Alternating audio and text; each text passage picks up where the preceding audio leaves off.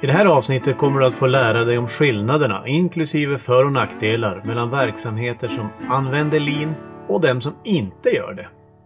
Ja, vad är det då för skillnader mellan vanliga organisationer och sanna lean-organisationer eller verksamheter? Ja, jag har delat in skillnaderna i sju olika kategorier och jag tänkte gå igenom dem i det här avsnittet. Om vi då börjar från början så är nummer ett, det är ledning och styrning. I den ordinarie verksamheten, den ordinarie organisationen, den som inte har anammat lean, där har vi oftast en hierarki som är väldigt tydlig. Och det finns en syn på att den, den store ledaren i olika nivåer ska kunna ha svaren på alla frågor och det är den individens synpunkter som är alena rådande i våran verksamhet. Det betyder ju det också att vi ska hela tiden titta uppåt i organisationen när vi stöter på problem eller har frågor. I en lean-organisation däremot, där jobbar vi väldigt mycket med värderingar och respekt för individerna och deras kunskap. Och i en lean-organisation så trycker vi ner ansvar och befogenheter. Vilket återkommer i de andra delarna som jag också kommer att beskriva i det här avsnittet. Så att vi trycker alltså ner ansvar och befogenheter och litar på att folk är så pass kunniga, intresserade för att själv kunna hitta lösningar på problem som dyker upp. Här kan man dra en koppling till någonting som man pratar om när det gäller uppfostran av barn. Och då finns det två termer på engelska. Den ena heter Strict Father Principle och den andra är Nurturing Parent Principle. Och i Strict Father Principle, i den typen av familj, så är den den hierarkiska strukturen. Och oftast då så är det så att man ser upp till fadern och faderns far, för det är oftast då på det är ett, så ett patriarkat istället för ett matriarkat. Man ser hela tiden upp till vad fadern eller farfar eller morfar då möjligtvis säger i det här och vad man tycker och så vidare. Och där leder man ner detta till the strict father principle. Medan man i the nurturing parent principle har en syn på att man har de här grundvärderingarna och respekten för alla i familjen så att även barnen lyfts upp och har en syn på vad man ska göra eller hur man nu ska bete sig. Men man utgår från värderingarna och respekten för individen. Och Det här kan man koppla då tycker jag är rätt intressant till lean och den här nu då första delen med ledning och styrning. Där man kan koppla då the strict father principle, det är det vi jobbar i vanliga organisationer där vi har hierarkin och litar på att den store ledaren ska ha svaren.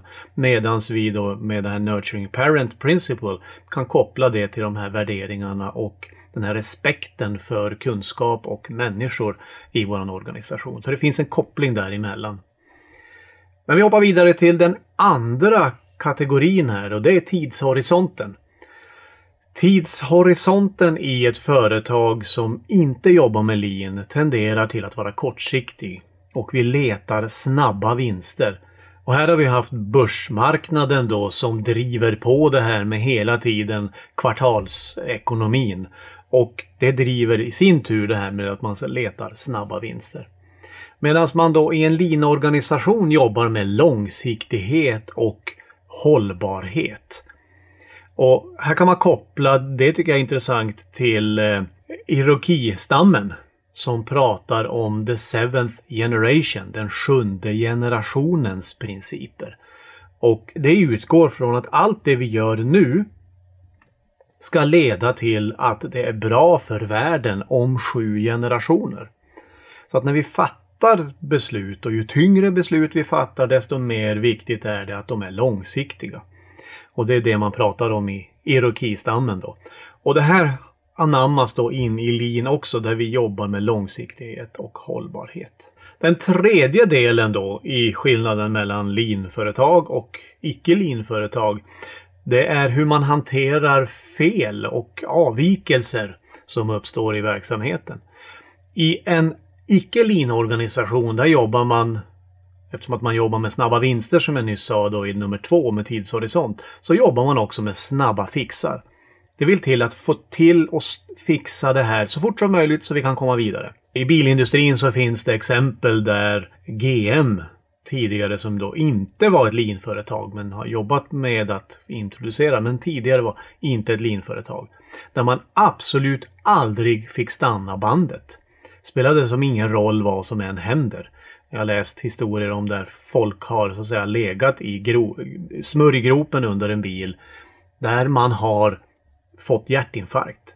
Men man väntar till bilen har passerat över för att plocka upp den här individen. Därför att allt som genomsyrade hela organisationen var stanna aldrig bandet.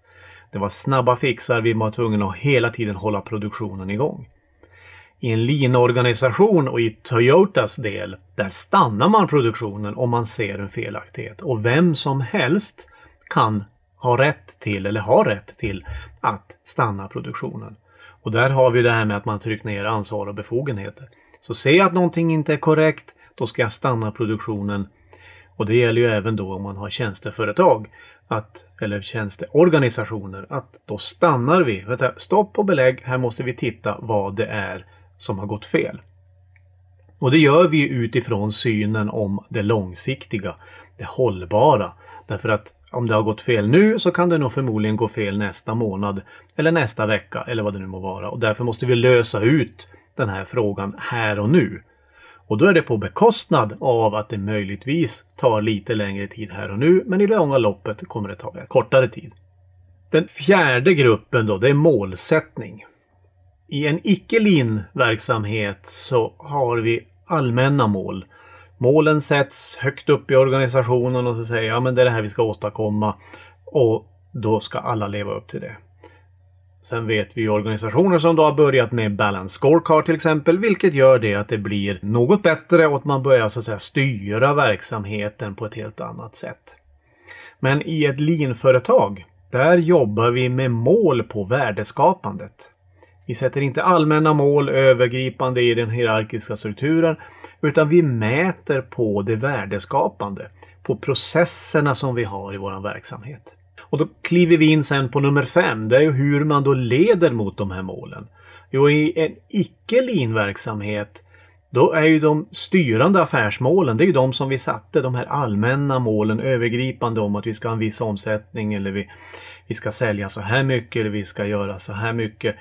Någonting väldigt högt upp i hierarkin och sen så trycker man ner det och så ska man leva upp mot det. Medan i en lean-organisation så jobbar vi mycket tajtare med ledarskap och med coachning. För att då i våra processer, som är de här värdeskapande delarna, driva mot måluppfyllelsen som vi har i de värdeskapande flödena. Och det blir en helt annan sak än det här övergripande på den hierarkiska nivån. I den sjätte kategorin så är det underlag för beslut. Och underlag för beslut i en icke-linjeorganisation, där pratar vi väldigt mycket om rykten och tro. Det vill säga, jag tror det här, ja men då gör vi så här. Eller jag hörde, ja men de sa, ha det på det sättet och sen så tror vi oss, eftersom att vi då styr, som jag sa tidigare, med snabba fixar snabba vinster så är det tempo hela tiden på att det ska gå fort. Vi får inte stanna produktionen. Och det här är ganska naturligt därför att strukturen i en icke-lina-organisation den är, det är inte så enkelt att ta reda på fakta. Därför att vi vet inte riktigt sanningen och det vet vi ju inte därför att vi inte ser de värdeskapande flödena. Och därför tar det många gånger alldeles för lång tid för oss att få reda på fakta. Eller kanske till och med helt omöjligt att få reda på den fakta vi skulle behöva för att kunna svara på en viss fråga eller ta ett visst beslut. Och därför blir det då lite att skjuta från höften. Och vi går på rykte och tro. Men tittar vi nu igen, går över till lean-organisation. Där har vi en helt annan del när vi jobbar med underlag för beslut. Ett är ju att vi jobbar med fakta. Och fakta det får vi fram genom att vi har de värdeskapande flödena. Och vi får fram dem genom att som ledare så går vi ut och ser efter själv. Och det är ett epitet inne i lin att gå och se efter själv. Det vill säga ledaren ska vara ute i verksamheten för att där få input av fakta. Inte sitta högst upp i hierarkin och ha fått filtrerad information från botten och hela vägen upp. För där har ju den filtrerade informationen som är i den hierarkiska strukturen, den har ju tvättats hela vägen för att var och en ska se så bra ut som möjligt för överordnade. Medan om vi själv går ut som ledare i organisationen, då ser vi den råa, kalla sanningen om vi säger så. Och så gör vi någonting utifrån det. Det här leder då till den sjunde delen i skillnaderna här mellan då en eh, vanlig organisation, en icke-lean-organisation och en organisation som arbetar med lean. Och då är det ledarskapet. I en icke-lean-organisation så jobbar vi med piska och morot för att driva mot resultaten. Om, ni kommer ihåg, om du kommer ihåg vad jag sa tidigare så pratade jag om att målsättningen var de här allmänna målen och att vi trycker ner dem. Då är det det också vi som ledare driver på med det här piska och morot för att verkligen få till de här resultaten. Problemet här är ju då att strukturen i våran verksamhet som inte jobbar med lean, vi ser inte de naturliga flödena utan det är hierarkin vi ser. Och då är det ju därför vi måste driva det här. Därför att vi har inte förutsättningen i våran verksamhet till någonting annat utan det är piska och morot. Medans i en lean-organisation så jobbar vi ju igen med våra värdeskapande flöden, våra processer. När vi har våra processer, vi har kartlagt dem och så har vi designat dem så som vi vill att de ska se ut. Då har vi en sann möjlighet att kunna påverka det som kommer ut ur den här processen. Och i ledarskapet här då är det en klar skillnad mellan den här Icke-linorganisationen och linorganisationen. icke linorganisationen eftersom att vi inte har de här naturliga flödena i värdeskapande. Och därför att vi ser på den här hierarkin så är vi hela tiden inne på att ledaren har svaret på allting. Vill vi någonting, då vänder vi oss ett snäpp upp i organisationen för att fråga om lov att göra någonting. Och förväntar oss att den chefen har svar. Har inte den chefen svar så går den chefen en nivå upp. Och hela tiden på detta sätt ända upp till toppen. Så allting ska flyta uppåt i en hierarki. Men i en processorganisation, ledarskapet där har ett helt annat, vi har ett coachande ledarskap. Därför att vi kan tillsammans se flödet. Och när vi ser flödet då kan vi prata om rätt saker i vårt arbete med att leda verksamheten. Och det gör vi genom att vi ställer frågor. Och med då den här nedtryckta ansvar och befogenheterna som vi pratar om i LIN så har vi då möjlighet att med vårt coachande sätt få människor, våra medarbetare, att själva komma på lösningarna. Och kommer människor själv på lösningarna utifrån att det är de som är bäst kunniga att svara på våra frågor, då får vi också ett större engagemang i vår verksamhet. Så det var de sju kategorierna som jag då packat ihop som är skillnader mellan en icke linverksamhet och en linverksamhet.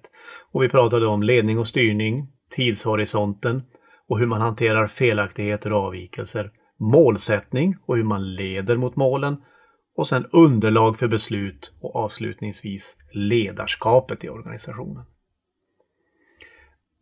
En liten hemuppgift för dig kan ju då vara att fundera på vilken av de här sju olika delarna tycker du skulle vara mest viktigt att få ordning på i din organisation? Och vad skulle ge störst effekt om ni då använder lean? Och vad, så att säga, vilken av de här sju delarna skulle vara den som gör att ni reser er upp och blir en mycket mer effektiv organisation än vad ni är idag? Ja, då vet du lite mer angående skillnaderna mellan lean-företag och icke lean-företag. Och I nästa episod så kommer jag att prata om lean för tjänsteverksamheter. För idag hanterar ju lean väldigt mycket om produktion, tillverkande industrier. Men det finns minst lika mycket att prata om när det gäller tjänsteverksamheter. Så vi hörs då. Hej!